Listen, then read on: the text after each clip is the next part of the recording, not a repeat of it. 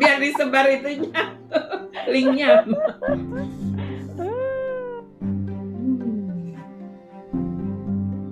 Suara aku kecil ya. Mm-mm. Aku nih pindah karena laptopku udah nggak bisa support uh, Zoom. Jadi mati laptop, hidup, mati makanya. hidup. Ini jadi di di ini. Makanya aku bilang juga ganti laptop. Ini suaraku lebih jelas ya? Ya kalau gitu lebih jelas. Aneh ya. Ini nggak pakai ini. Udah live ya kita ya. Ntar dulu aku kasih ke diri. Selamat pagi Pak Irwan. Selamat pagi juga. Hmm. Sudah jalan pagi. Atau sambil jalan pagi? Alhamdulillah bertemu lagi dengan Pak Irwan. Ini lihat tuh, ininya lampu eh. Di sini Itu, masih Pak. mendung Pak. Wah, Jakarta banjir. Waduh, iya ya. Tanggal ini ya. Iya. Pak, bukan cuma Jakarta yang banjir, Pak. Poso juga banjir. Oh, poso Oh, banjir gitu. juga. Masya Allah. Di Wah. Di daerah mana, Bu? Jalan Malay, Malay, Pak Kayawa. Hmm. Di Kayawa, Bu. Jadi agak Ya, grogi nih ada Pak Irwan nih mau ngomongin apa manusia pembuat keputusan ada Pak Irwan. Harusnya yang ngomong to- topik ini Pak Irwan kayaknya. Digali, digali aja, digali. Iya. Opo maning. Ah, orang Sunda. Eh, nggak deh, Bapak tuh orang mana sih? Nah, Opo Mane itu Jawa. Ya maksudnya nggak nggak lekoh gitu. Nggak. Karena lidahnya orang Sunda apa Jakarta gitu. Udah aku kasih. Bedanya orang Medan. Hmm. Bapak dari mana sih Pak? Eh, saya kan pakai tengku-tengku Oh, orang tua iya. saya, tapi sejak TK saya di Bandung.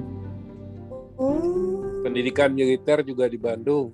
Wah, bener-bener ya Bandung kota Ya. kembang. Oh, Pernah tiga tahun aja di Magelang di Atmil. hmm. Oh jadinya bisa ini Oppo Mane. Oh, apa maning? Apa maning? Itu bahasa saya Pak. Wah, kalau anak-anak saya sih mereka kan masih kecil di sana, jadi Bisa ya? bisa bahasa-bahasa gaul anak muda mereka bisa.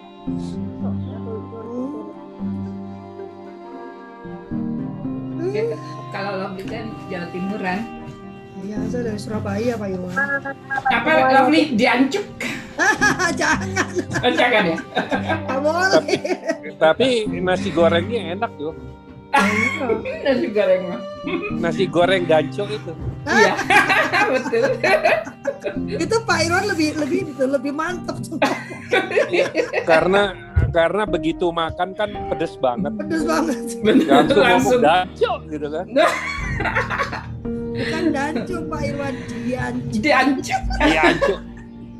Bukan dianjuk, Pak. Dianjuk mah ngutang. Oh, beda gitu. Aduh. Oh, jadi ngutang. Bahasa Sundanya dia dianjuk, Aduh, bukan ini cek. sudah live loh kita ngomongin parenting malah. nggak apa-apa kan mengenal bahasa bahasa bahasa kasarnya tuh ya begitulah tapi itu bahasa gaul orang dewasa ya Tapi kalau di Surabaya itu bukan. Kalau yang orang dewasa itu udah jadi bahasa kasar. Iya, Kalau aku memang. ketemu teman-temanku ya itulah yang keluar. Tapi kalau zaman dulu aku ngomong kayak gitu, aduh, habislah aku. pastilah Ngomong Kalau di Poso bahasanya lain lagi, Bu. apa tuh koso Perkasar. kayak Makassar Gak ada halusnya kalau di Poso ngomongnya. Ngomongnya kasar-kasar lah. Ah, Iya. sebetulnya sama dengan Surabaya. Kan itu khas pesisir ya. Kalau orang-orang pesisir kan nyantai gitu ya ininya ya enggak. Kalau katanya karena kita jadi kan eh, anginnya kenceng, jadi terbiasa teriak-teriak. Makanya nggak bisa ngomong halus. kayak kayak Presiden Soekarno aja belajarnya katanya kan di depan ombak Oh, supaya suaranya kenceng. legar iya Oh, Pelabuhan Ratu Rumah-rumah tapi begini. oh itu tuh ya tadi malam. Bukan tadi malam sama sana hujan. Poso ya Poso tuh ini banget tuh militan banget Hai Kak Yani. sudah hadir ya ayo kita mulai satu menit lagi Vi tunggu dulu aku nggak bisa ngomong sambil bagi dong atau Ayo, kamu mau Bagi dulu? kan aku udah udah bagi. masih ada yang link tuh belum terbagi Oke, oke. Nah, itu sendiri kan jadinya mereka menjawab jadi panjang ini oke. Oke dibuka dulu ya. Tunggu aku mesti ngerekam. Aku selalu lupa ngerekam tuh akhirnya nambah. Karena ada di YouTube mungkin ya, jadi merasa lupa. Ya mulai ya. Nanti Tete yang lanjutkan ya. Selamat pagi. Eh, selamat bertemu kembali di edisi ke-15 Tur Parenting Pagi. Wow.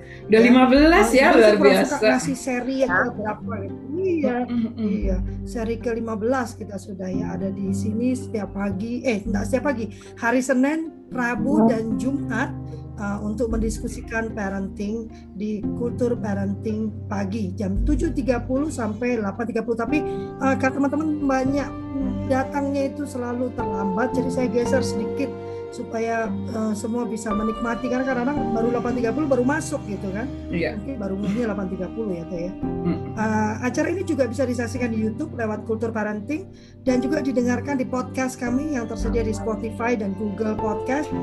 Pokoknya diserbu semuanya. Sama Facebook. Kultur Parenting juga. Sama Facebook ya. Ya, ya, dan kita punya Facebook group ya namanya Kultur Parenting juga. Ya, dan nanti setelah ini ada Instagram Live kalau punya Pokoknya semuanya. show, kita juga punya after show. Kita akan berdiskusi tentang uh, topik yang dibicarakan pagi ini. Dan pagi ini, oh pagi ini kita akan ditemani oleh saya sendiri.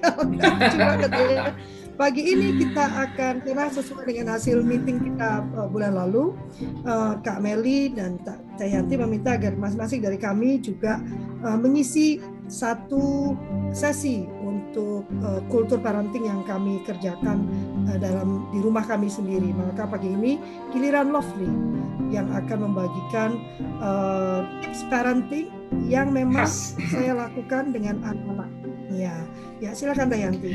Aku Oke, persilakan. selamat pagi, salam sejahtera, salam, salam kebajikan, Om Swastiastu, Namo Buddhaya, Rahayu, Rahayu. Assalamualaikum warahmatullahi wabarakatuh.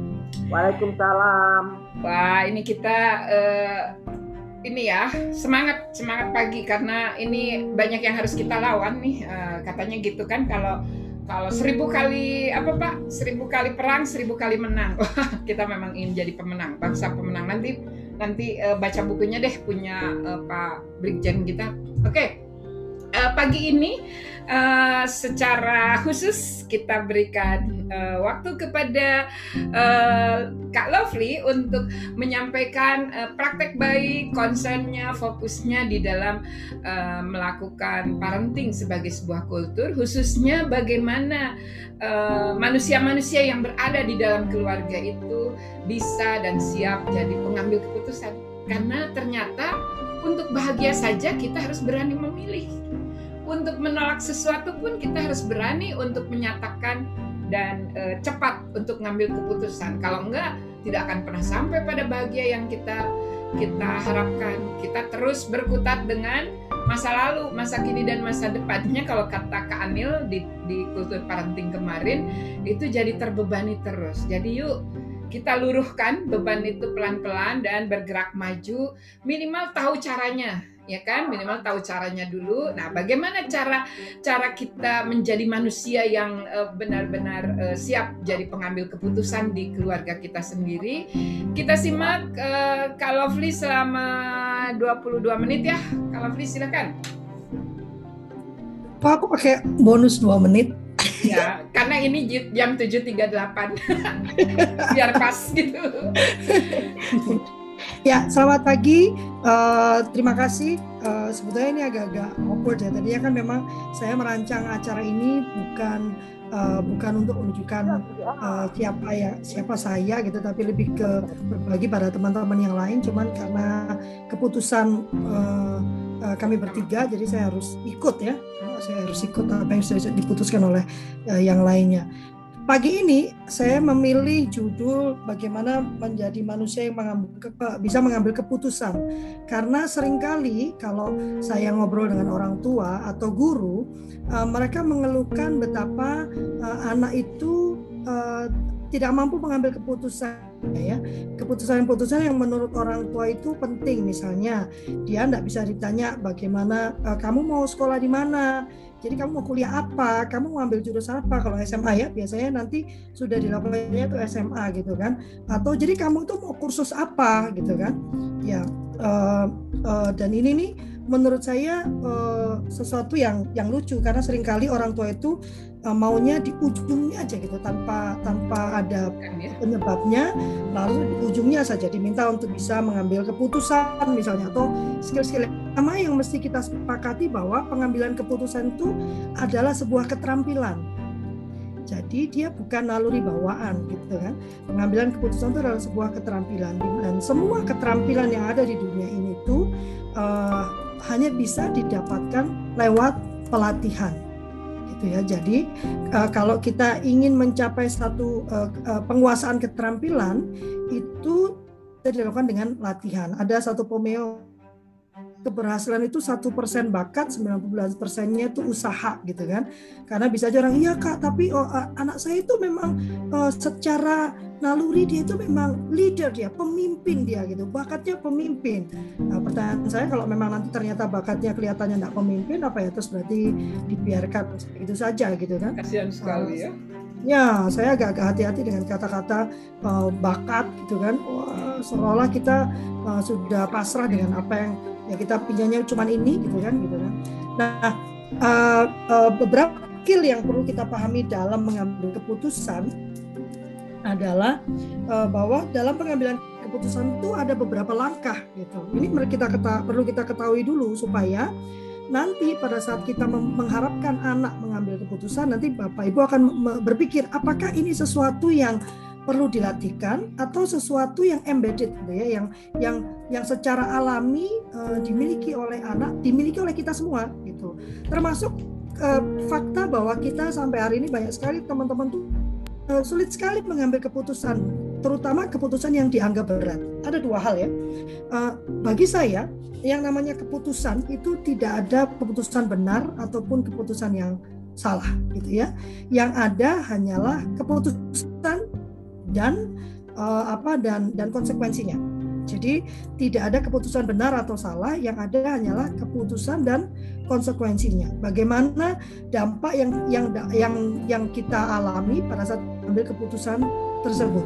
Nah, kalau dengan pemahaman seperti itu, maka yang akan kita latihkan itu bukan tentang ini keputusan benar, ini keputusan salah, tapi bagaimana kita nantinya termasuk kita ya atau anak nantinya itu bisa menimbang uh, sebelum dia mengambil keputusan.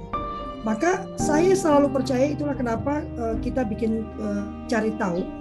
Sebetulnya tujuan saya dengan membuat cara asik cari tahu itu bukan keilmuannya, bukan bisa mendapatkan keilmuan gitu kan, tapi apa? Tapi lebih kepada pola berpikirnya, cara berpikir yang mau saya latih gitu kan. Dan saya temukan bahwa memang dalam keputusan yang pertama kita harus bisa mengidentifikasi masalah. Apa masalah yang sedang kita hadapi? Yang kedua, lalu kita mengumpulkan informasi. Ini kan CACT banget kan Teh ya. Apa masalahnya gitu kan? Nah, lalu bagaimana kita mengambil informasi tentang permasalahan tersebut? Kalau di CACT itu kita bagi dua, apa yang kita ketahui, lalu apa yang perlu kita ketahui, gitu kan? Lalu membuat membuat pilihan solusi. Apa sih solusi-solusi yang tersedia? Baru kemudian mengevaluasi dan memilih solusi. Ini adalah empat langkah yang uh, yang apa yang perlu kita miliki pada saat kita mau mengambil keputusan. Nah, mari kita lihat. Uh, mengidentifikasi masalah. Berapa dari kita yang melatihkan anak kita untuk mengidentifikasi masalah setiap kali ada hal yang muncul? Karena kita terbiasa dengan cepat cepat cepat gitu kan. Apa pun yang terjadi kita anak-anak kita pun tanpa kita sadari kita minta untuk bereaksi bukan berespon karena harus cepat cepat cepat cepat. Sementara kecepatan meng mengidentifikasi masalah mengumpulkan informasi membuat pilihan solusi lalu akhirnya mengevaluasi dan memilih solusi itu adalah hasil dari latihan. Gitu kan latihan latihan yang perlu kita kita lakukan. Maka eh, setiap ada permasalahan dan itu harus dimulai dari kapan? Gitu pertanyaannya kan.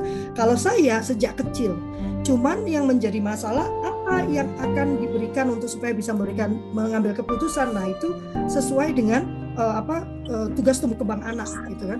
Jadi yang selalu saya saya lakukan bahkan pada saat anak masih kecil jadi uh, bahkan memilih baju pun atau makan itu uh, saya ajak untuk mengambil keputusan jadi hari ini kakak mau makan apa gitu kan uh, mau makan apa dia bingung kan pasti kan uh, hari ini kan ini bagaimana rasanya? Uh, hari ini dingin loh, kayaknya mau hujan loh. Jadi hal-hal seperti itu tuh yang memberikan membuat dia mengambil keputusan gitu. Walaupun sesederhana hanya mau makan apa gitu kan, atau mau pakai baju apa. Kakak mau pakai baju apa? Kita hari ini mau ke sini ke sini. Dan berada di ruang yang terbuka tidak ada AC gitu kan? Akan agak sedikit panas kak gitu kan? Dan nanti uh, kita harus duduk agak lama. Sehingga dia akan uh, walaupun nanti dia nggak nggak mengambil itu sebagai uh, apa sebagai apa ya uh, informasi yang langsung dia terima karena dia empat tahun. Tapi kalau bagi saya saya tidak pernah merendahkan diri merendahkan kemampuan dia tapi saya selalu berbicara dengan dia dengan uh, tahapan yang saya inginkan lalu saya turun ke dalam uh, ke ke dalam pemahaman dia. Jadi saya akan tetap bilang uh, jadi hari ini akan panas loh kak dan kita akan bertemu tante ini tante ini tante ini. Artinya kita akan banyak duduk kita nggak akan banyak bergerak. Lalu kita akan uh, acaranya itu agak formal. Nanti kan dia melongo ya masih kecil kan. Jadi mau yang mana? Mesti yang nyaman uh, mau yang enak dipakai yang mana ya jadi uh, kakak mau yang ini atau yang ini tapi itu diulang terus menerus setiap kali dia mau mengambil keputusan sampai dia dewasa sehingga dia memahami bahwa uh, tahapan pengambilan keputusan itu adalah apa dulu ini informasinya. Apa dulu nih permasalahannya? Apa yang yang mungkin saya alami? Apa yang yang yang yang yang menjadi pilihannya?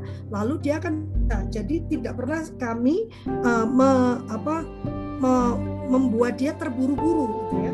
Jadi kami take times gitu ya. Walaupun uh, nanti terlambat kak itu sebabnya kita yang menghitung waktu gitu kan kalau pergi ke tempat itu butuh waktu 40 menit maka diskusi itu terjadi satu jam sebelum kami harus berangkat sehingga anak tidak pernah terburu-buru sering kali kita itu karena kita sendiri yang terburu-buru kita jadinya memaksa anak untuk terburu-buru dan pada akhirnya dia tidak bisa uh, mengambil waktu yang cukup untuk belajar mengambil keputusan. Jadi mengidentifikasikan masalah mengumpulkan informasi mencari melihat pilihan solusi yang tersedia lalu meng, menganalisa teh bukan memilih teh menganalisa baru membuat keputusan. Yang kelima ya jadi perlu menganalisa pilihan-pilihan solusi yang ada. Seringkali waktu kita bicara dengan dengan orang dewasa pun gitu kan eh, bahkan eh, identifikasi masalah itu tidak dilakukan jadi yang terjadi adalah reaktif gitu kan reaktif sama dengan kita uh, apa uh, dan akhirnya keputusan itu adalah sesuatu yang memberatkan kita gitu kan. Nah, uh, sementara kalau kalau kalau kalau itu dilatih dari kecil dan kita tahu bahwa dari kecil kita tidak pernah dilatih untuk mengambil keputusan. Apa contohnya? Tidak ada satupun dalam kehidupan kita yang kita boleh berpartisipasi hal-hal yang penting ya, yang esensial ya. Kita boleh berpartisipasi pada hal-hal yang non esensial gitu kan. Sehingga kita atau kita diminta mengambil keputusan tapi kemudian pada akhirnya yang dikerjakan adalah keputusan orang tua. Hal-hal yang membuat anak berpikir tidak ada gunanya mengambil keputusan. Toh nanti akhirnya juga ikut keputusan uh, mama papa atau ikut keputusan bapak dan ibu atau umi dan abi gitu kan. Uh, kita harus belajar juga mau juga menurunkan ego kita sehingga anak belajar untuk benar-benar mencari uh, reasoning ya kan yang paling kuat, yang paling logis agar keputusannya juga bisa diikuti. Ya kan sering kali kita ngomong kakak mau makan apa? Uh, mau makan aku mau makan nasi goreng. Ah, pagi-pagi kok siang-siang kok makan nasi goreng nggak bener banget siang itu makannya yang sehat kak ini ini ini, ini, ini panjang lebar kali tinggi kan akhirnya dipilihkan makanan yang disukai oleh bapak ibunya. Atau misalnya kita mau pergi ke mana kak? Uh, mau ke taman dong ah panas-panas kok ke taman gitu kan sehingga uh, semua negasi-negasi itu membuat anak kemudian malas mengambil keputusan malas uh, lebih lebih parah lagi akhirnya dia akan malas untuk berpartisipasi dalam kehidupannya sendiri dia angkat tangan sudahlah apa kata apa kata papalah percuma juga. Nanti toh juga akan ikut apa kata papa gitu. Dan ini yang yang saya saksikan dalam uh, dalam apa kehidupan anak sehari-hari yang membuat orang tua kebingungan. Kok sekarang dia nggak mau mengambil keputusan ya kak ya? Dia sama sekali nggak mau mengambil apa uh, langkah gitu. Dia nunggu inisiatif. aja ya kan? Iya inisiatif. Karena ini kok anak kayaknya pasif banget ya ya? Sebenarnya bukan pasif semua kan itu ya. Iya, padahal kalau menurut saya anak coba dari kecil itu kan keke ya, keke sumeke gitu kalau udah kecil kan. Kita menganggapnya wah ini udah mulai berontak nih gitu kan. Ini udah mulai berontak. Ini udah mulai banyakan ngomong ini gitu kan, banyakan banyak tingkah. Padahal itulah Iya, Padahal itulah saat dia sedang exercise gitu kan, uh, berpartisipasi aktif dalam kehidupan dia. Sedangkan kita memandang sebagai, aduh kamu bikin mama pusing deh. Ini kan mama pusing, ini lagi kurus ini, ini, kamu malah bikin mama stres gitu kan. Nah hal-hal seperti itu yang tanpa kita sadari, karena kita tidak melihat parenting sebagai sebuah usaha sadar dan terencana, ini kita tidak memahami bahwa ada usia-usia tertentu dia sedang melakukan latihan ya kan? Dia sedang melakukan latihan dan dia sedang pelan-pelan masuk untuk berpartisipasi aktif di dalam kehidupannya. Sampai nanti pada saat dewasa dia bisa mengambil keputusannya sendiri. Gitu kan? Ya kan? Lalu uh, kita kita tanpa melewati masa-masa itu setelah dewasa uh, mengeluh. Ini anak ya kayak uh, uh, pasif banget. Nggak mau mengambil keputusan nggak mau mengambil. Saya punya murid ya sampai kalau saya diamkan dia tidak akan melakukan apa pun ya. Dan saat ini saya ikutkan mereka ke kegiatan uh, kegiatan uh, kegiatan terstruktur untuk melakukan pembelajaran akademik. Walhasil tugas mandiri yang saya berikan tidak dikerjakan. Mengapa? Karena dia sudah sangat terbiasa dengan diberikan ya, instruktif ya. Instruktif gitu kan? Apa apa dan saya akhirnya bicara dengan orang tuanya kamu tolong kurangi instruksinya. Karena nanti kalau terus terusan seperti ini memang mudah dalam tanda kutip. Lebih mudah kalau kita pakai instruksi. Adik duduk gitu kan. Makan. Tidur, ya kan? Pakai baju. Itu sudah mama sediakan di meja, di, kan? di ruang di, di ini. Itu lebih mudah. Tetapi pada saat dewasanya nanti itu akan menyulitkan bagi kita sendiri. Jadi pilihan menjadi orang tua itu apakah mau mudah dari awal? Saya nggak setuju banget itu kalau dulu kan ada kata-kata gini. Udah kalau punya anak itu aja. Jadi repotnya tuh sekalian repotnya sekalian. Padahal satu aja repotnya luar biasa. Gimana empat? Kalau udah repot sekalian akhirnya tidak repot dibikin seperti uh, ini. Abai, seperti mohon maaf ya Pak Irwan seperti ya kalau nggak seperti barak militer gitu kan? Mohon maaf Pak Irwan ya.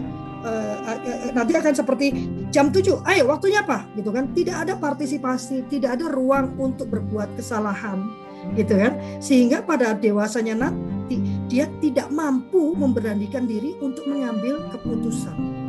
Keputusan kecil apalagi keputusan yang mempengaruhi kehidupannya dan kehidupan anak-anaknya di kemudian hari. Dan jadi mudah ya, digiring kan? jadinya kan? Itu yang oh, terjadi ya. yes. Yes. Uh, mungkin di situ aja ada 752 kok betul Pak? Kamu ngomong sama siapa? Ini ada yang direct message dikira everyone Ayo Pak everyone Pak. Oke betul tahu betul Kak. Jadi saya mau memancing memancing sampai di situ ya bahwa ternyata uh, proses pembelajaran pelatihan pengambilan keputusan itu kita mulai bahkan sejak sangat dini umur satu tahun saat anak itu sudah bisa diajak bicara kita biasakan dia selalu mengambil keputusan mulai dari dua pilihan ya kan lalu berkembang menjadi banyak. Contoh ya, saya ini tidak pernah diizinkan memilih makanan dari kecil, ya. Jadi makanan buat saya itu sudah disediakan dan uh, saya harus saya habiskan, gitu kan. Kalau di Surabaya itu di Indonesia, di Jawa itu kan ada kata kalau nggak dihabiskan nanti istrinya nangis, gitu. Jadi semuanya itu selalu ditempelkan pada rasa bersalah saya, gitu, ya kan. Sehingga saya harus makan kenyang. Bapak Ibu percaya nggak? Sampai sekarang kalau saya datang ke food court nanti teteh boleh memberikan kesaksian. Saya pasti akhirnya nggak jadi makan karena bingung begitu banyak pilihannya gitu kan. Saya lebih baik milih ke tempat yang sudah ada cuma satu atau dua pilihan jadi saya nggak bingung gitu kan. Yang kecil saja yang kecil saja. Tapi puji syukurnya saya berhasil melatih diri saya untuk melepaskan uh, apa ke, uh, keterkungkungan uh, pada kata keputusan baik dan keputusan buruk karena kata-kata keputusan baik, keputusan buruk itu membuat kita tidak berani melangkah. Karena takut kita akan dihakimi karena mengambil keputusan yang salah, gitu kan. Jadi menurut saya nomor satu yang selalu saya katakan pada anak-anak saya, tidak ada keputusan yang salah dan benar. Yang ada hanya keputusan dan konsekuensinya. Maka kamu harus melihat setiap kali mau membuat keputusan konsekuensinya. Itu tadi kan langkahnya kan identifikasikan dulu masalahnya apa. Apa sih yang menjadi masalah? Oh saya harus memilih baju. Apa masalahnya? Ya karena kalau saya nggak memilih baju yang tepat, nanti saya tidak nyaman. Lalu berikutnya apa informasi yang ada? Saya mau pergi ke mana? Manakah tempat itu? Jadi kadang-kadang kalau mau pergi saja, saya harus menceritakan secara detail pada anak saya bagaimana situasi di tempat itu. Uh, nanti sih kayaknya banyak orang kak ya uh, kayak nanti uh, apa uh, agak-agak panas gitulah situasinya ya. Uh, karena agak tertutup. Tapi ada jendelanya sih. Uh, ada tempat untuk keluar sebentar lah ya. Uh, nanti ada uh, mama nanti ketemu sama sekitar 10 orang lah ya. Jadi mungkin agak-agak nempel-nempel gitu ya.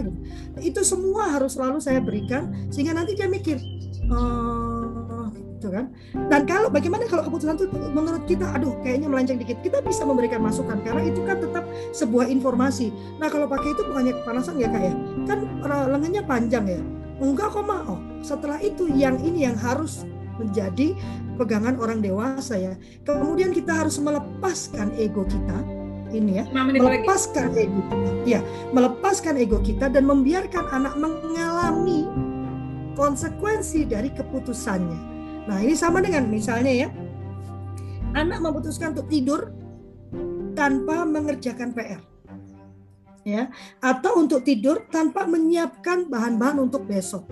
Nah, bagaimana biasanya orang tua? Besok pagi dia akan heboh sendiri, ngomel panjang lebar kali tinggi gitu kan. Setelah itu kalau sudah dan bahkan membantu anaknya memasukkan buku-buku ya kan? Nanti kalau udah sampai ke sekolah ternyata ketinggalan, yang dilakukan orang tua akan bergegas ke sekolah karena kasihan nanti anak dihukum.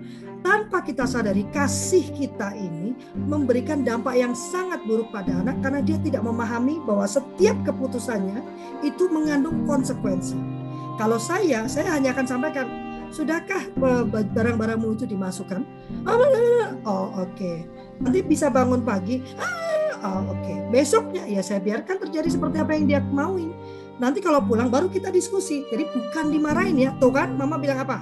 Kan mama udah bilang kalau mau tidur kamu itu mesti ini dulu. Coba sekarang jadinya dimarahin guru kan? Tidak. Yang harus kita lakukan ya kita duduk. Oh kenapa sayang? Ma aku tadi dihukum guru. Oh kenapa? Bagaimana rasanya? Sedih dong marah dong. Ya kesel banget bukan malu mah oh kenapa kok dihukum guru? Itu aku lupa bawa ini. Waduh lupa ya. Terus gimana dong? Habis aku tadi malam habis mama sih kan biasa gitu ya anak ya. Uh, selalu setting blame kan? Uh, habis mama sih nggak ngingetin uh, kakak gitu kan. Lah bukannya kemarin mau ingetin oh iya ya atau juga yang satu lagi ya tidak biasakan untuk me membebankan kesalahan pada orang lain. It is okay. Kesalahan saya it is okay. It is fine ya kan? Terus dari mana mereka belajar? Ayo coba ingat waktu jatuh kan, oh ini kodok nakal ini ya, nah, mama pukul dulu katanya, nah, oh ini nih ya lantainya nakal bikin kakak tersandung, mama pukul dulu ya lantainya, eh, gitu kan? Nah itu membuat anak tidak juga terbiasa mengambil kesalahannya, itu satu. Atau yang kedua kesalahan itu dibesar-besarkan, kakak ya, mama, mama, mama, itu juga membuat dia lebih baik mau set the blame to someone else gitu kan daripada uh, konsekuensi dari kesalahannya. Yang saya lakukan adalah saya membuat dia tahu bahwa apa pun konsekuensi kesalahan yang dia kerjakan, mamanya tidak akan berubah sayangnya tidak akan berubah. Jadi membuat kesalahan itu boleh, tapi manusia percayalah, secara naluri kita semua tidak ingin membuat kesalahan. Jadi jangan terus oh kak, berarti nanti dia ini dong eh, mengulang-ulang kesalahan. Tidak, itu secara naluri kita sebagai manusia kita tidak ingin berbuat salah, gitu kan? Kita tidak ingin berbuat salah. Kita ingin melakukannya dengan benar, gitu kan? Sehingga kita harus percaya bahwa anak kita pun punya kecenderungan yang sama. Parenting itu kuncinya satu, melihat anak selalu dengan pengharapan, selalu dengan positif. Tidak walaupun bagaimanapun kondisi anak kita, kita harus melihat anak dengan positif dengan penuh pengharapan sehingga dia bisa percaya pada dirinya sendiri. Karena nggak mungkin seseorang bisa mengambil keputusan kalau dia tidak bisa percaya pada kemampuannya sendiri untuk mengambil keputusan. Gitu ya Teh? Di unmute dulu. Oke, hampir waktunya nih. Uh, apa yang disampaikan oleh Lovely banyak tanggapan nih. Pertama, uh, ini memang kita sedang sedang uh, mendudukan bahwa parenting itu adalah pendidikan, gitu ya, sesuatu yang memang dipelajari karena itu harus dilakukan secara sadar dan terencana gitu ya. Uh, ada suasana belajarnya yang kita nikmati dengan penuh kegembiraan gitu kan. Lalu ada proses pembelajaran yang jelas, tahapannya jelas sehingga anak mendapatkan pesan yang utuh gitu ya. Apa yang perlu dilakukan dalam setiap langkahnya gitu ya. Di sini kita mendapatkan uh, komentar nih dari Pak Sukardin terkait dengan uh, oh ini seperti uh, metode ilmiah betul gitu ya. Ini memang membangun sistem berpikir logis bagi anak dengan cara yang lebih sederhana, tidak mengenalkan langkahnya harus uh, ilmiah gitu tidak, tapi sesuatu yang secara natural memang muncul di anak dengan keingintahuannya yang tinggi begitu ya. Kita kita bangkitkan itu dan kita kita dudukkan sebagai orang dewasa itu kita punya pengalaman untuk mendudukan ini bisa lebih bertahap. Dari mudah ke sulit misalnya yes. dari sederhana ke kompleks gitu ya lewat pertanyaan-pertanyaan yang produktif dan uh, dukungan-dukungan uh, lainnya. Ini ada beberapa uh, pertanyaan. Pertama dari Kak Iis eh dari Bu Iis. Menurut saya saya sudah melakukan hal ini Kak. Tapi kenapa anak-anak masih agak susah mengambil keputusan apa masalahnya dari saya Anggi? Ya, aduh ini uh, jawabnya ya. Terus uh, dari YouTube Kak Enggar, Kak bagaimana untuk mendisiplinkan anak sejak dini sesuai dengan tema ini?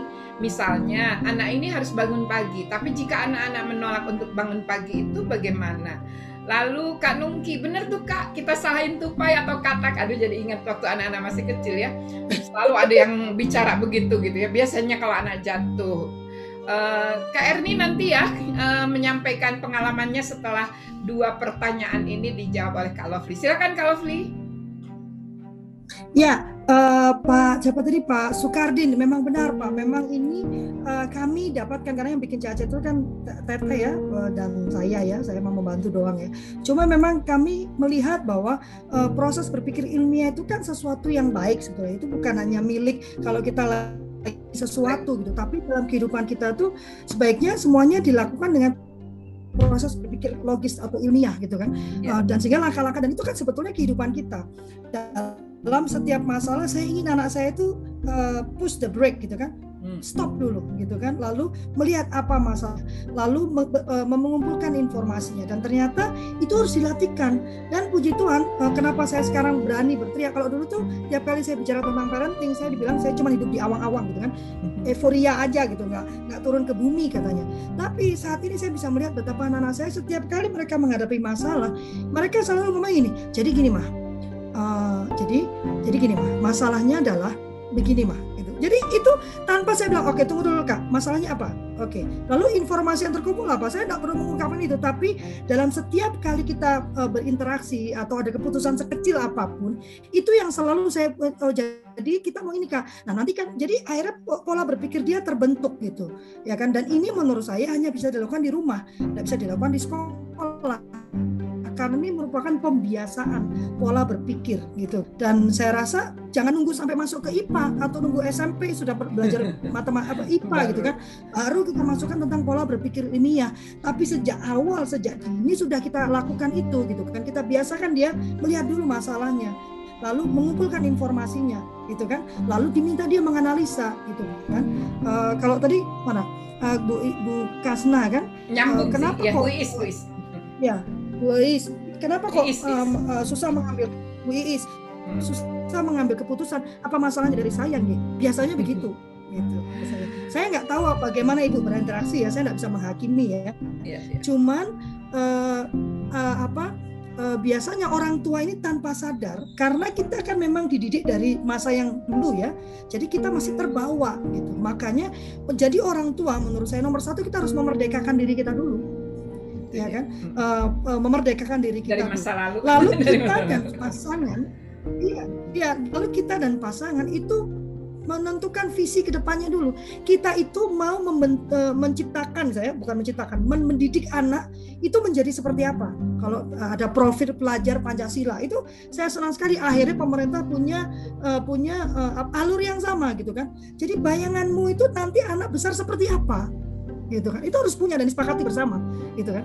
Kalau sudah disepakati bersama maka nanti turunan ke bawahnya kan lebih mudah gitu. Tapi kalau ke depannya bagaimana tujuannya kan selalu uh, start with the end gitu kan. Start with the end. Selalu apa dulu tujuan kita? Mau seperti apa sih gitu kan? Apakah seperti bapaknya pasti bapaknya bilang enggak papa mah punya kekurangan ini ini ini atau seperti ibunya gitu kan. Jangan gini ih anakku cantik seperti ibunya pintar seperti bapaknya gitu juga ya. Kalau saya mah cantik bisa dibagi dua ya. Jadi eh, apakah ma- bagaimana seperti bagaimana dia bersikap, bagaimana sehingga nanti keturunan turunannya itu kita aturkan ke dalam diri kita. Apa saya ingin anak saya eh, bebas dan merdeka, bisa mengu- mengungkapkan pikirannya, maka pada proses selanjutannya saya merdekakan dia dari pengaruh-pengaruh yang membuat dia tidak bisa berkembang menjadi merdeka. Wah, ribet ya bahasanya ya. Sehingga saya akan alihkan dia dari yang mungkin masih belum merdeka. Gitu kan? Eh, karena saya mau memberikan masukan yang positif. Itu juga salah satu sebab mengapa saya memutuskan anak-anak tidak bersekolah. Ya mengapa dia eh, eh, ada di homeschooling gitu kan ya kan karena apa karena menurut saya memang arus masyarakat arus lingkungan itu pasti lebih berat lebih keras lebih kuat gitu kan apa pun yang saya berikan nanti akan balik ke arus utama jadi saya berpikir dia harus menjadi ajak dirinya dulu se- sebagaimana yang eh, kami impikan gitu kan baru dia masuk dalam masyarakat. Kalau begitu caranya dia menjadi pembaharu.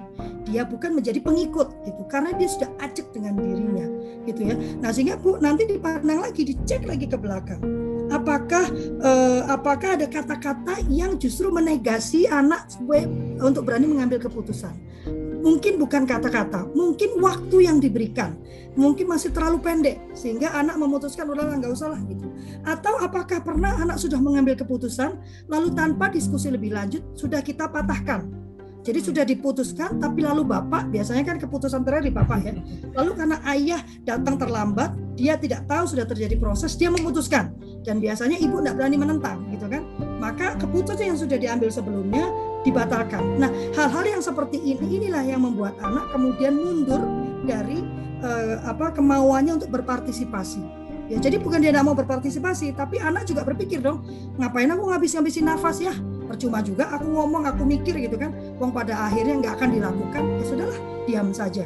Saya banyak menemui anak yang seperti itu. Mengapa sih nggak mau ngomong? Percuma kak, ya kan? Nggak akan didengar. Nah, makanya dalam proses pengambilan keputusan itu, skill pertama yang harus dimiliki adalah kemampuan untuk mendengar. Wah, Ya. Itu lagi-lagi kan itu hak anak yang keempat prinsip Iya. anak mendengarkan dan menanggapi sungguh-sungguh ya. Oke lanjut yang eh, Kak Enggar Kak. Iya, eh, mengapa anak? Jadi gini, yang satu itu yang selalu kita ya, kurang kurang kita perhatikan adalah ada kegiatan apa di pagi hari. gitu. Jadi bangun pagi apa pun dalam kehidupan kita itu bukan karena eh, apa ya? Karena mama Harus, mama said so, harus. ya kewajiban itu nggak menarik sama sekali. Tapi kita harus buat pada anak ini juga penting menurut saya untuk membuat anak tidak gampang ikut arus ya, tidak gampang terkena apa yang peer pressure ya. Kalau kita sudah terbiasa mengatakan bangun pagi karena ma- mama said so, maka dia akan juga melakukan hal-hal karena guru said so, lalu nanti karena temanku said so gitu kan. Kalau nggak nanti tersingkir. Biasakan dia untuk melakukan sesuatu tindakan karena dia pun menyepakati tindakan itu bermanfaat buat dia. Ini penting. Makanya di CAC itu ada ada satu satu eh, item yang menanyakan kalau sudah tahu ya kan sudah dapat ini ilmu manfaatnya apa buat kamu? apa manfaat buat? Nah, kalau anak kemudian menjawab ke kami, "Eh, ya pokoknya gitu aja lah, pokoknya tahu. Oh, oke, kalau gitu, mari kita singkirkan ini dulu, pending dulu, ya kan, sampai kamu dapat manfaatnya, ya kan. Jangan karena bahkan pada anak saya saya katakan, kalau mama ngomong sesuatu, memberikan instruksi atau atau memberikan ide sesuatu bahkan mama pun boleh kamu tolak kalau kamu tidak memahami apa manfaatnya untuk dirimu. Ya kan? Karena saya kan bukan Tuhan ya. Kalau Tuhan bilang lakukan kamu belum ngerti sekarang tapi kamu nanti akan ngerti. Kita kan bukan Tuhan ya dan kita tidak bisa bersikap sebagai Tuhan ya maka kita perlu menjabarkan. Oh, ini urusan bangun pagi aja ribet loh kalau sama saya ya kan? Saya akan ceritakan mana. Iya kak karena besok kita tuh mau pergi ke sini kak. Eh, jadi jam 8 kakak mesti bangun jam 6 karena jam 7 kita mesti berangkat. Kan kalau kakak bangun jam setengah 7 belum sempat makan nanti mandi ke buru-buru. Buru nggak nyaman kan. Eh, oh iya ya ya sudah bangun jam 6 itu satu ya. Yang kedua kalau anak masih kecil eh, masih eh, satu tahun atau makan bayi dulu saya juga bingung bu bagaimana caranya anak saya bangun pagi gitu. Saya pikir bangun pagi itu urusan bangunnya. Jadi tiap pagi saya bangunkan jam 5 pagi gitu kan eh, dan nggak dan gagal total. Ternyata bangun pak eh urusan tidurnya sorry urusan tidurnya. Jadi saya paksa dia tidur. Ternyata memang urusan bangunnya. Jadi kalau anak mau tidur dengan dengan dengan baik eh, saya tetapkan bangun paginya apa pun yang terjadi jam 5 pagi saya bangun dan saya bangunkan dia Ingat ya dibangunkan, lalu saya mandikan dengan air hangat ya pasti ya. Masa dia masih setengah-setengah hidup dikasih air dingin ya nanti shock ya. Dibangunkan dengan air hangat supaya bangun. Setelah itu jangan didudukkan terus diam gitu. Tapi diajak bermain, ya kan? Ada kegiatan setelah itu, gitu. Jadi bukan pokoknya bangun terus ngapain, Mak? Ya pokoknya bangun pagi, aku duduk situ, gitu kan? Bete amat Mama itu. nggak suka anak bangun siang, gitu kan? Nah itu nggak bisa, gitu kan? Ya kan? Uh, jadi uh, nomor satu itu harus ditentukan kegiatan paginya apa. Gitu. Saya dulu pernah anak saya di TK kan, dia selalu telat. TK telat terus gitu kan. Yang dilakukan oleh para gurunya adalah menghukum. Nah, anak saya yang kecil tuh PD-nya 2 juta ya. Jadi dia nyaman aja dihukum gitu kan. Uh, lalu saya minta pada guru-gurunya tolong dong buat kegiatan pagi yang menarik sehingga dia ingin bangun pagi. Karena menurut saya itulah caranya. Kalau kau ingin anak melakukan sesuatu, buat itu menjadi menarik untuk dia turunkan dalam kehidupan dia gitu kan Uh, misalnya uh, jangan bicara sama saya tapi kan hidup nggak seperti itu kak hidup itu kan dia harus menjalani itu kan hidup kita yang sengsara kenapa kita mau mengeluarkan hidup kita yang sengsara ke anak kita Life gitu. is beautiful buat anak-anak tuh kan. Iya, dan itu kan karena kita salah mengambil keputusan di masa lalu sehingga kita tidak punya pilihan. Kenapa kita mau melestarikan kehidupan yang seperti itu? Kenapa kita tidak mau menciptakan kehidupan baru untuk anak kita di mana dia itu bisa memilih dan dan tidak ada kok yang melarang dia untuk tidak memilih. Anak sekarang alih-alih bekerja jam 7 pagi sampai jam 5 sore, dia jadi YouTuber. ya kan? Dan duitnya lebih banyak, dia bisa pilih waktunya gitu kan. Dia Ternyata merdeka. banyak hal yang bisa dia lakukan. Iya. Ya, nah ini eh, Bunda Baiti ya, ini memang selalu disampaikan. Kalau anak kecil kan belum bisa mengambil keputusan. Anak besar pun Itunya yang salah. bisa mengambil keputusan apabila tidak dilatihkan.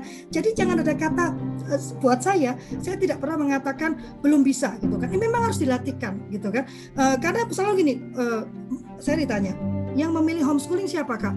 Anak-anak. Loh, dia bilang, mereka gitu kan. Nanti kalau pilihan mereka salah, mereka kan masih kecil kak, tahu caranya. Nah, ini gitu kan. Lalu kalau salah ya nggak ulang lagi gitu kan.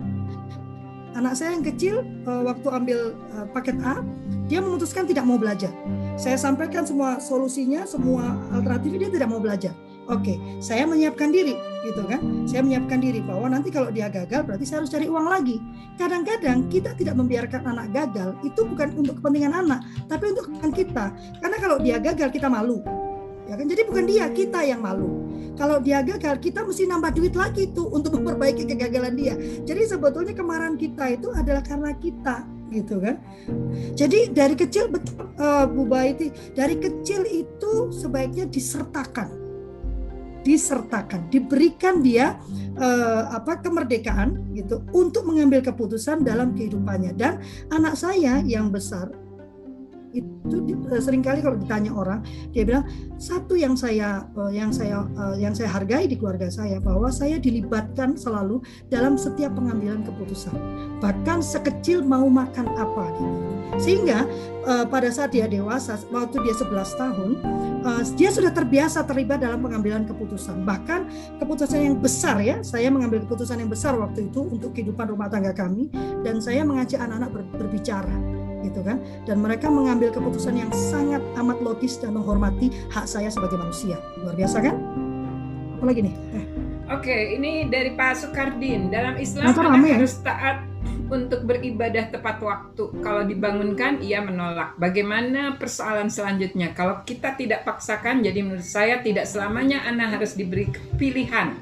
Ada waktunya seorang anak samikna wa atau. Nah, ini Hmm. karena karena menyinggung eh, keyakinan eh, eh, beda persepsi nanti. Jadi ini di hall, tapi saya ingin menunjukkan saja sedikit ya untuk bisa bisa anak-anak belajar sholat saja itu butuh waktu tiga tahun. Tiga tiga tahun itu berarti sekitar seribu hari ya. Seribu hari sholat lima waktu itu lima berarti lima ribu. Berarti perlu latihan lima ribu kali untuk tanpa kemudian berhenti eh, ini tanpa berhenti dan itu harus dengan penuh kasih sayang gitu ya. Itu itu aja ya eh, ininya. sebetulnya saya punya kan dulu saya juga mengajarkan anak untuk itu ya teh ya Tapi Nah, ini ini, mau- ini DM sebenarnya, tapi ini penting. Ternyata Ah, DM ya. ya. Saya dari tadi dapat DM terus ya. Ya, saya menurut saya gini, eh, ibadah apa pun itu kan memang ada jam-jamnya. Saya ke gereja juga ada jamnya gitu. Sama ya, kalau ya. menurut saya dalam mendidik itu yang paling penting adalah eh, panutan, ya. Yang paling penting adalah eh, contoh, gitu kan. Kalau kita mau anak kita eh, sholat subuh tepat waktu jam berapa sih setengah lima ya teh ya? Setengah Mm-mm. lima misalnya ya. Ya setiap pagi memang dibangunkan, dibangunkan dan kita sholat. Sebetulnya anak itu bangun kok, dia cuma lihat-lihat gitu kan. Dibangunkan, didudukkan kita sholat. Setiap kali dibangunkan kita sholat, dibangun kita sholat. Jam-jam jam kalau kita mau anak sholat tepat waktu jam 12 misalnya duhur ya, ya jam 12 itu kita semua sholat, anak dibawa. Yang pengalaman saya ngurus sekolah alam ya, eh, ini kenapa saya berani ngomong seperti ini. Pengalaman saya ngurus sekolah alam, guru-gurunya itu tidak pernah memakai hukuman. Tidak ada kata wajib harus gitu kan. Tapi yang mereka lakukan di jam sholat semua orang berhenti. Ya, semua orang berhenti Iya. dan semua orang sholat. Dan enggak, eh, kalau jam Bukan 12 memang eh, Bukan menyuruh. Iya, jadi jam 12 mereka di satu tempat bareng. Tapi kalau yang kayak sholat duha itu dilakukan di saungnya masing-masing. ya. Mm. Jadi jam 9 pagi itu anak akan melihat gurunya eh, sholat di saung. Ya, yang terjadi adalah jam 9 pagi itu semua anak sholat. Nggak ada kewajiban, semua anak sholat. Kenapa? Karena semua lingkungannya menunjukkan jam itu dia sholat gitu kan lingkungannya semua kalau ketemu orang assalamualaikum gitu kan jadi sebetulnya saya lebih percaya pada eh, tauladan Iya. contohkan saja gitu kan Menciptakan lingkungan Kenapa? yang mendukung Kalau, gitu ya. eh, apa, Yes, gitu kan. Dan itu akan lebih abadi, lebih lanjut dan akan tercapai tujuannya bahwa sholat itu adalah komunikasi kita dengan Yang Maha Kuasa. Karena kita merindukan Tuhan kita, setiap kali kita mau menyapa Dia, maka sholatlah lima waktu menyapa Tuhanmu, gitu kan. Katakan pada Tuhanmu apa yang mau kau inginkan, gitu. Nah, kalau kita lakukan dengan kekerasan, tidak akan nyampe pesan itu. Nah, Tuhan tuh sayang sama kamu loh. Ah, mana bisa? Dia menyediakan waktu gitu. lima hari Iya. sehari oh, coba untuk kita temui lima kali sehari nggak lebih pun kalau lagi lebih sedih kan malah iya iya loh kalau lagi sedih hari, kamu belum- bisa lebih dari itu iya. Maha, ya kan? Nah, sehingga ayo ketemu dengan Tuhan yuk. Tapi ditunjukkan dengan orang tuanya pun bersemangat ketemu dengan Tuhan gitu kan? Jam-jam sholat langsung sholat gitu kan? Nah, dan itu tertampak di anak-anak sekolah alam. Walaupun dia pulang ke rumah jam 9 pagi dia sholat duha gitu kan? Padahal nggak ada itu lembaran itu duha ya duhur ya nggak ada Nggak ada. kita nggak buat. Tapi semua gurunya di jam-jam itu semua kegiatan dihentikan sering kali kita masih repot eh kamu sholat papa kok enggak? Ya papa kan masih sibuk. Nah ya kan? Nggak usah banyak bicara. Nah ayo sholat sholatlah. Ya diajak masuk gitu kan? Dia mungkin belum belum belum apa belum belum terbiasa belum apa. Nah tapi dia melihat orang tuanya jam segitu ada. Jadi terletakkan aja di atas sajadah sholat aja kitanya sholat gitu kan? Dia akan melihat betapa bapak ibunya melakukan ini dengan konsisten dan dengan penuh cinta ya kan? Ada rasa semangat waktu sholat senang ketemu Tuhan gitu ya jadi Ini saya ada- rasa itu ya pak ya saya juga mau anak saya ini dong beribadah dengan baik itu udah pasti Iya, ya iya, pasti. Eh, Kak Enggar ini bilang, jika terjadi pengasuhan ganda gimana? Kita kan memang keluarga besar, belum lagi Ah. kita dengan suami ya. Maksudnya jika hidup bersama dengan orang tua atau mertua yang juga ikut mengasuh anak secara tidak langsung. Ini sebabnya kita enggak deng. Kita harus punya rumah sendiri maksudnya. Ayo, Vi. Iya, memang memang saya selalu menyarankan keluarga muda karena begini ya. Pada waktu kita baru menikah itu tekanannya besar untuk memahami satu sama lain karena uh, uh, selama apa pun kita pacaran gitu kan, pernikahan itu berbeda gitu. Kalau bilang, "Ah, tapi saya udah pacaran udah 15 tahun, Kak, udah kenal banget ya luar dalam." Tetap pernikahan itu adalah suatu dunia yang sangat berbeda gitu kan. Uh, sehingga perlu waktu untuk saling mengenali satu sama lain, ya kan? Perciptakan budaya baru karena kan menikah itu kan membuat budaya baru budaya kita berdua dengan suami gitu kan sehingga akan lebih less uh, tekanannya kalau kita itu berdua saja gitu. Itu sih yang saya sarankan gitu. Tapi kan sulit kak. Ya iya namanya hidup awal tuh pasti sulit gitu kan. Tapi kalau kesulitan tuh dirasakan berdua. Saya uh, waktu pertama kali uh, waktu menikah di tahun-tahun pertama gaji saya itu cuma 250 ribu. Bayangin ya. Tapi itu Uh, kalau sekarang masih menikah ya berarti 25 tahun yang lalu ya. Tapi tetap 25 tahun yang lalu 250 kecil itu. tetap kecil. Sehingga kami tuh uh, dan suami itu uh, karena mantan suami itu waktu itu belum belum bekerja jadi dia mendapat jatah dari ibunya itu 150 ribu gitu kan. Jadi kami punya uang 400 ribu kan. Dan uh, kami harus keluar. Jadi saya bersyukur sekali kakek saya cuma bilang rumahnya nggak cukup ya, Lovely mesti keluar. Nah, dengan kata itu kan uh, muncul sombong saya kan. Oh iya jangan khawatir saya keluar gitu kan kami keluar kami nyewa satu kamar seratus ribu. Aduh cuma itu ya seratus ribu teh. Ya kan? seratus ribu gitu kan? Dan setahun itu? Oh sebulan. Sebulan. Dan itu ya setahun kayak apa? Eh saya ya 400 setahun loh awal nikah tuh. Apa apa aku di Surabaya kan? Nah, terus uh, yang terjadi di situlah belajar masak karena kan nggak cukup uangnya buat beli iya, kan? harus masak. Harus Tapi sampai hari ini walaupun kami bercerai ya, tapi sampai hari ini saya tidak mengingat hal-hal yang menyedihkan di masa hmm. tahun-tahun awal kami menikah gitu kan. Yang saya ingat hanya betapa menyenangkannya ya masak berdua gitu kan. Jadi dia nyuci, kami berdua nyuci gitu kan. Tinggal di kamar yang kecil gitu kan. Karena uh, yang kami rasakan waktu itu hanya kebahagiaan karena karena sedang berdua gitu tanpa tekanan dari kanan kiri. Tapi Kak saya kan sudah tinggal dengan mertua bagaimana? Ya berarti harus ada kompromi gitu. Diskusikan dengan mertua dengan baik-baik bahwa ini uh, dengan penuh hormat kami tuh anak seperti ini jadi kita kayak salah jualan nama mertua kan? Nanti anak tuh maunya begini mi dia tuh harus berpikir positif gini gini gini mi gitu. Oh iya ya ya benar juga ya. Iya mi gitu. Nanti kan bagus mi. Kan mami bikin saya seperti ini nih ya kan? Udah tapi bisa lebih baik lagi loh mi gitu kan? Jadi jangan kan mami kayak gini nih hasilnya kayak gini nih mi gitu. mami ya ya kan? Masuk mami mau ulang lagi jadi kayak saya wah ya terus ini bapak ibu kita kan gitu. Tapi mami luar biasa tuh maksud saya. Jadi saya berpikir gimana kalau cucu itu maunya seperti ini mi gitu. Sehingga nanti uh, apa orang tua juga memahami kenapa kita berlaku demikian. Mengapa kita memberikan set rules yang demikian gitu kan. Karena kadang-kadang orang menolak karena tidak tahu tujuan akhirnya gitu ya. Jadi uh, kan harus kompromi. Nggak bisa apa yang kita mau 100% nama juga tinggal satu atap kan gitu kan. Harus berkompromi Oke, okay, ya, ada ada sharing. Ya, Oke, okay, ada sharing dari Kak eh dari Bu Erni Tami. Silakan Bu, dua menit ya Bu ya. Silakan. Eh, di unmute dulu Bu, di unmute dulu. Maaf, di unmute dulu Bu. Oke. Okay, ya.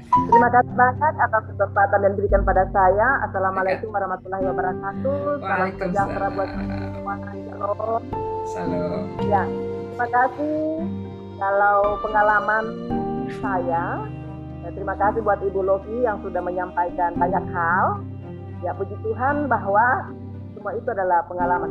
Istimewa saya punya pengalaman sejak anak saya masih kecil-kecil. Seperti Ibu Loki katakan tadi bahwa mereka itu diajar. Jadi saya waktu itu saya mengajarkan kepada mereka setiap eh, kali memakan kami harus duduk bersama meja makan untuk berdua bersama. Kemudian setelah anak-anak saya sudah remaja mereka sudah bisa berpikir kemudian saya selalu eh, mengadakan pertemuan setiap kali ada yang akan dibicarakan bersama. Ya saya undang anak-anak saya untuk membicarakan. Kemudian anak-anak saya oh mama kalau saya begini saya begini saya begitu. Jadi masing-masing mereka eh, menyampaikan apa yang mereka inginkan. Kalau kami mengadakan eh, oh, bagus sekali. ada iya ada masalah yang akan disampaikan atau ada masalah yang disampaikan kepada anak-anak atau rencana atau apa pun itu kami sering eh, kumpul bersama bersama anak-anak.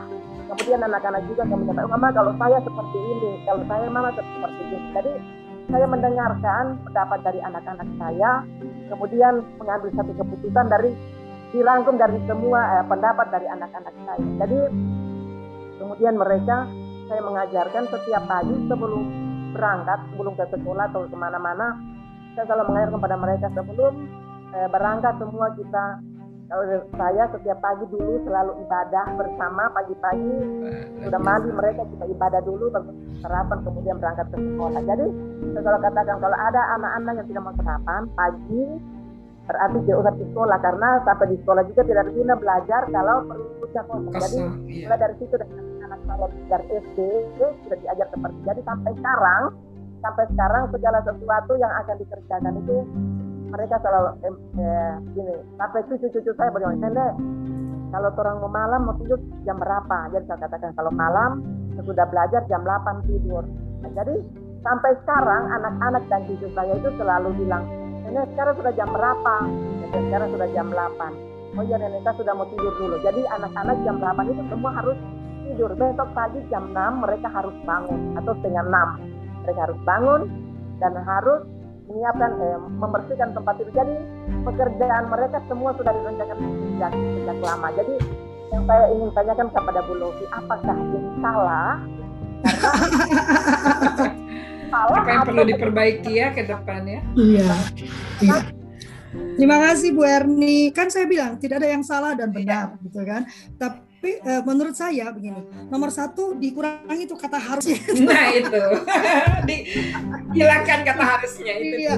Uh, saya punya pengalaman juga. Jadi kalau dulu memang lebih mudah untuk menjadwalkan anak. Itu ya. Saya membuatkan jadwal. Jadi instruksi ya lebih mudah. Dulu Raka seperti itu. Nama juga anak pertama ya. Saya buatkan jadwal tuh jam sekian bangun, jam sekian makan siang, lalu ini, lalu belajar ini nih. Dan memang karena dibiasakan dia melakukannya dan saya tertampar waktu dia itu uh, kemah. Jadi karena dia sekolah di sekolah alam dia camping sama teman-temannya ya. Karena jam 7 malam itu waktunya belajar. Oh hebat kan? Nah, jadi sampai sedetil itu jam 7 belajar. Jam 7 makan malam lalu belajar gitu kan? Sampai sedetil itu mamanya bikin jadwal gitu kan? Begitu selesai makan malam dia panik. Dia minta kertas karena itu adalah jam dia belajar. dan belajar adalah Bagi menulis. Belajar kan? Belajar harus iya, tulis. Dan harus belajar itu harus atasnya. Mau gambar, mau nulis, pokoknya dia harus ada kertasnya. Dia panik. Ibu, mana? Saya harus belajar. Ini jamnya belajar. Ini tidak bisa. Ini sudah jam 7. Lalu setelah selesai, gurunya bilang ke saya, jadi ibu itu sedang sedang uh, mengasuh anak atau bikin robot ya?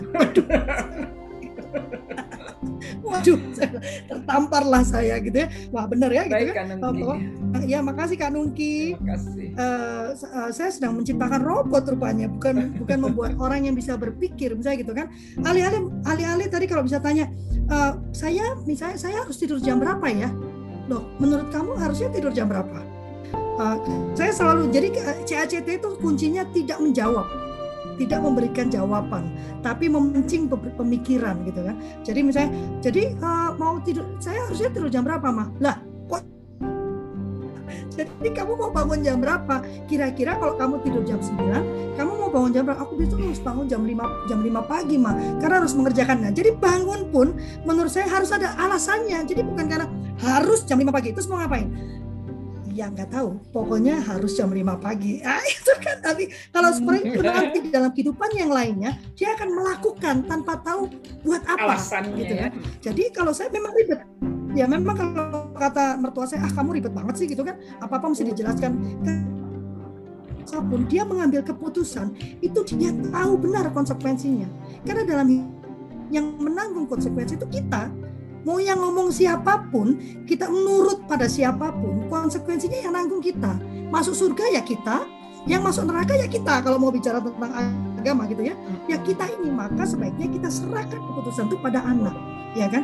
Itu satu. Dan yang kedua, itu eh, kebiasaan Ibu Erni untuk mendudukan anak dan berdiskusi. Tarik lagi. Karena bukan remaja saja dia bisa berpikir Bu Erni. Dari umur setahun dia bisa berpikir gitu kan. Cuman masih sederhana mungkin cara berpikirnya. Tetapi kalau dari dia sederhana dia sudah kita sertakan maka itu akan percepatan keterampilannya makin lebih cepat gitu kan. Itu yang saya lakukan gitu kan. Jadi kadang-kadang uh, orang orang bilang oh anakmu dewasa banget. Dewasa tapi karena dalam kehidupannya sehari-hari dia selalu dilibatkan ya kan dia selalu disertakan dengan tidak memberikan beban ya jadi saya nggak bilang ini jadi nak ya kita butuh 2 juta Bagaimana cara kita mencari uangnya? Tidak begitu ya, bukan itu ya. Karena kadang-kadang kasihan kalau kan jadi terbebani. Bukan begitu. Kita tetap harus membuat hidup dia indah. Yes, gitu kan. Kalau kayak misalnya coba tapi kan mahal. Ah, kalau yang itu kamu jangan mikir. Bagaimana cari uangnya itu kamu nggak perlu mikir. Itu urusan mama. Tapi apa yang mau kita kerjakan? Nah, itu perlu kamu mikir. Jadi ada hal-hal yang dia tahu. Oh, ini adalah tanggung jawab bapak dan ibuku. Dan dia mengambil mengambil tanggung jawab itu gitu jadi dari kecil dudukan uh, kalau kata kak itu tuh MPR sidang istimewa MPR dia bilang. Jadi ada masa kumpul orang tua uh, orang tua dan anak untuk ngobrol. Apa pendapatmu? Dalam setiap hal gitu kan. Dalam semua hal. Dia boleh mengungkapkan pendapat dan itu membuat anak menjadi merasa bahwa dia itu dimanusiakan gitu. Dan luar biasanya itu uh, pada dampaknya dia akhirnya memanusiakan orang lain hmm. karena dia merasa dimanusiakan. Makanya saya sepakat dengan Tayanti. Di rumah kami saya tidak mengajarkan kewajiban Bu Erna. Saya mengajarkan hak. Ya kan? Kalau dia ngaco saya bilang adalah hak mama loh untuk me, apa tinggal di rumah yang bersih. Hak kamu juga untuk tinggal di tempat yang kotor, tapi hak mama untuk tinggal di tempat yang bersih. Jadi apa yang harus kita lakukan? Ya sudah, berarti kita harus bersih-bersih gitu kan? Tapi karena kamu masih mama kalau kamu sendirian ya kamu mau tinggal tempat kotor ya silakan silakan aja gitu kan?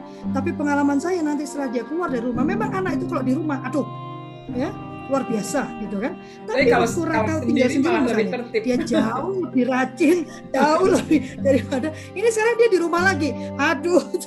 Mulai lagi. Dia merasa liburan jadi nggak mau bersih bersih kalau ini ada jadi, ini ya? bukan salah ya bu ya tapi kita tarik lagi ya Bu ya.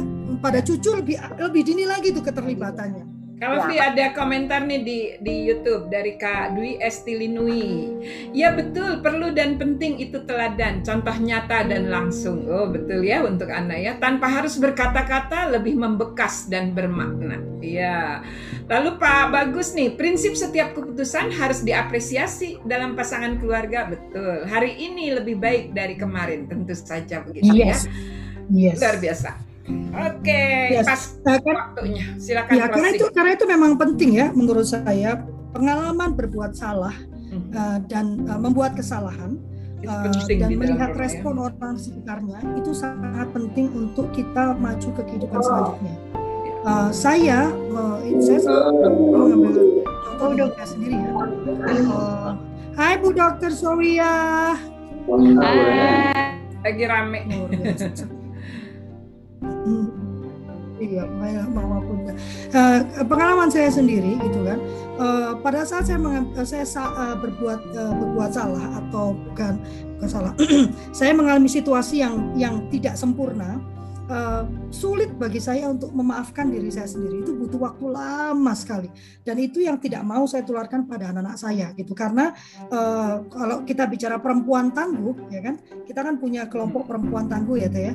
Uh, uh, obrolan perempuan tangguh. Perempuan tangguh itu bukan orang yang tidak pernah salah. Bukan orang yang tidak pernah jatuh. Tapi orang yang saat jatuh pun dia bisa bangkit lagi kecepatan bangkit kita itu rupanya ditentukan dengan bagaimana lingkungan waktu kita kecil itu merespon kegagalan kita. Jadi kalau kita yang berani mengambil keputusan dan mengambil keputusan dengan tepat, kita harus memperhatikan respon kita pada anak-anak. Terutama pada saat dia kemudian mengambil keputusan yang konsekuensinya berat respon kita harus benar-benar jaga. Jadi ada anak saya itu suatu waktu dia berkata dia pulang pagi gitu kan. Saya sudah nunggu dia pulangnya lam pagi gitu kan. Uh, waktu dia pulang dia dalam kondisi yang tidak baik ya. Uh, karena kalau saya sampaikan nanti mempermalukan dia saya nggak tahu dia mau nggak diceritakan gitu kan. Lalu uh, yang uh, ternyata respon saya malam itu dia sampaikan kemudian itu mempengaruhi keputusan depan bagaimana dia menjadi orang. Dia andaikan andaikan waktu itu mama marah pada saya, maka mungkin hari ini saya akan tetap melakukan kesalahan itu karena kemarahan saya. Karena ternyata respon mama waktu itu hanya membuat menurut menyuruh saya tidur, cuman tanya sudah makan belum sayang, ayo bobo sudah mandi dulu sana yuk bobo gitu kan tanpa ada bicara apa pun baru besoknya duduk dan mama pun tidak bertanya mama cuman uh, apa cuman cuman apa bercerita sesuatu yang lain kemudian saya menceritakan apa yang terjadi itu membuat saya memutuskan saya tidak mau lagi membuat mama cemas gitu kan jadi rupanya respon kita saat ini itu sangat mempengaruhi keputusan dia di masa depan. Atas kesalahan anak-anak, respon kita atas keputusan-keputusan yang dia buat itu akan mempengaruhi bagaimana kehidupan dia di masa depan. Jadi saya mengajak para orang tua untuk menjadi manusia merdeka karena tidak mungkin kita menghasilkan anak-anak yang merdeka atau melakukan proses yang merdeka apabila kita sendiri belum merdeka. Mari menjadi manusia yang merdeka. Manusia yang merdeka itu bukan manusia yang bisa melakukan apa pun yang dia mau, tapi manusia yang merdeka itu adalah sadar akan konsekuensi pilihannya dan mau menjalani konsekuensinya dengan penuh tanggung jawab. Itu manusia yang merdeka. Mari-marilah kita menjadi manusia yang merdeka agar kita bisa merespon dengan merdeka sehingga mendapatkan hasil anak-anaknya yang merdeka juga. Terima kasih uh, sudah mendengarkan celotehan saya. Selamat pagi, silakan Teh. Ya, ini pagi yang luar biasa ya, karena apa yang kita bicarakan itu sangat berbobot gitu, bermakna dalam uh, melakukan perubahan. Pertama, uh, kita mengubah mindset bahwa parenting itu bukan sesuatu yang secara otomatis, naluriah, alamiah dilaksanakan, tapi parenting sama seperti pendidikan lainnya adalah usaha sadar dan terencana guna mewujudkan suasana belajar dan proses pembelajaran agar kita semua yang jadi pembelajar sepanjang hayat ini bisa aktif mengembangkan potensi diri kita. Pertama, spiritualitas keagamaan kita. Itu harus uh, apa yang tadi Bu Erni sampaikan tuh itu luar biasa ya dari sisi bagaimana spiritualitas keagamaan itu ditumbuhkan dan dihidupkan bersama gitu dalam kebiasaan-kebiasaan ringan seperti itu ya. Yang kedua, kepribadian kita, bagaimana kita saling saling berkomunikasi dengan santun, saling hormat, tidak melihat usia, tidak melihat posisi. Orang tua, anak semuanya harus mendudukan kita dengan penuh uh, rasa kasih dan sayang gitu. Kita kembali lagi lagi pada mendidik dengan cinta ya. Pertama kita harus peduli, lalu kita harus harus respect hormat tadi. Dan kemudian ditumbuhkan rasa tanggung jawab itu dengan uh, apa ya hal-hal yang kecil dulu gitu ya. Hal-hal yang terjangkau dalam pikiran anak dan dalam keseharian. Dilekatkan dengan keseharian. Dan uh, yang yang penting pengetahuan itu tuh terus terus diperkaya. Kita juga sebagai orang tua boleh salah bahkan bagus kesalahan itu muncul lalu kita bisa minta maaf. Anak juga jadi belajar oh tidak tidak tidak memalukan uh, kita mengaku bersalah itu gitu. Karena ada orang-orang yang disebut keluarga ini yang siap untuk ikut bersama-sama memperbaiki gitu. Nah ini uh, mengembalikan uh, rumah sebagai surga gitu ya bagi kita di bumi ini gitu. Lalu bagaimana keluarga sebagai tempat kita uh, dipeluk di apa pun isi kita, apa pun kesalahan kita, tidak ada judging di situ, tidak ada tudingan di situ ya. Ini memang perlu latihan. Jadi uh, saya kira ini ini jadi kata kunci yang uh, sangat sangat uh, bermakna ya karena uh, ini yang kita harapkan bagaimana parenting sebagai sebuah kultur itu uh, membudayakan pembelajaran. Kita adalah pembelajar sepanjang hayat gitu ya. Jadi tidak juga merasa sangat bersalah karena keliru mengasuh anak karena kita pembelajar sepanjang hayat. Tinggal kita berani untuk meminta maaf kepada anak kita dan jika perlu jadikan anak kita sebagai uh, guru terbaik bagi kita karena dia banyak belajar. Informasi bagi dia tuh uh, jauh lebih mudah dibanding kita dulu harus nyari uh, karena uang kita nggak cukup nyari loakan gitu atau yang apa itu ditimbang gitu ya bukunya kayak gitu. Anak-anak kita di ujung jarinya udah udah langsung langsung saja. Jadi uh, kembali lagi kembali lagi ya. Itu semua bisa kita lakukan kalau kita memaksimalkan apa yang diberikan oleh Yang Maha Kuasa. Allah itu dalam term uh, kitab suci uh, agama mana pun termasuk uh, saya gitu ya, itu memberikan kemerdekaan penuh padahal dia menggenggam jiwa raga kita gitu ya, meminta kita pulang gitu. Tapi dia memberikan kemerdekaan. Dia cuma ngasih alat-alatnya. Silahkan manfaatkan ini untuk mengasah kemerdekaan tapi tahu tanggung jawabnya kalau memilih jalan yang kiri seperti apa kalau kanan seperti apa gitu ya dan dalam bersikap kita selalu harus di tengah-tengah gitu tidak menuding kiri kanan tapi merangkul gitu yuk jangan menghakimi apalagi ke anak kita karena dia pemilik masa depan kita masa depan manusia gitu kalau dia dihakimi sekarang oleh orang yang nggak pernah belajar keadilan gitu ya nggak pernah tahu cara menegakkan keadilan dia akan selamanya tidak tahu apa-apa untuk masa depannya yuk kita perbaiki sama-sama. Terima kasih Pak Bagus. Terima kasih kepada Pak Sukardin meskipun uh, apa DM tapi uh, luar biasa Pak. Terima kasih uh, juga kepada Mbak Mbak Betty dengan uh, masukannya Kak Iis juga yang di YouTube ya. Ada Kak Enggar, Kak Dwi Esti, ada Pak Bagus dan kawan-kawan. Uh, Oke, okay, di sini kita uh, berbagi dan uh, nantikan. Eh, Kok aku dengar Pak Irwan Irwan nggak berkomentar ya? Berarti benar ya Pak Irwan ya? Itu, itu menyimak. Pak Irwan ya nggak ada. ada Pak Irwan selalu hadir kok. Eh, Lovely nah, itu apa absennya lupa. Benar makanya tuh Pak Irwan. Lovely, Udah bagus lupa. itu. Hebat hebat banget. Hanya yang mengingatkan nah, saja. Alhamdulillah. Sebetulnya pada saat kita nggak membuat keputusan atau anak tidak membuat keputusan juga itu kan suatu keputusan Betul. Seperti Ketika tadi dia saya, diam, konsekuensinya apa tahu? ya, memang hidup ini semuanya dengan keputusan. Ya. Hal yang terpenting sebetulnya tadi sih yang sudah di, di, disampaikan apa keteladanan itu kan saya ya. sangat setuju. Tetapi how to be a model, a good model itu yang nah. yang, yang harus kita selalu melatih diri kita.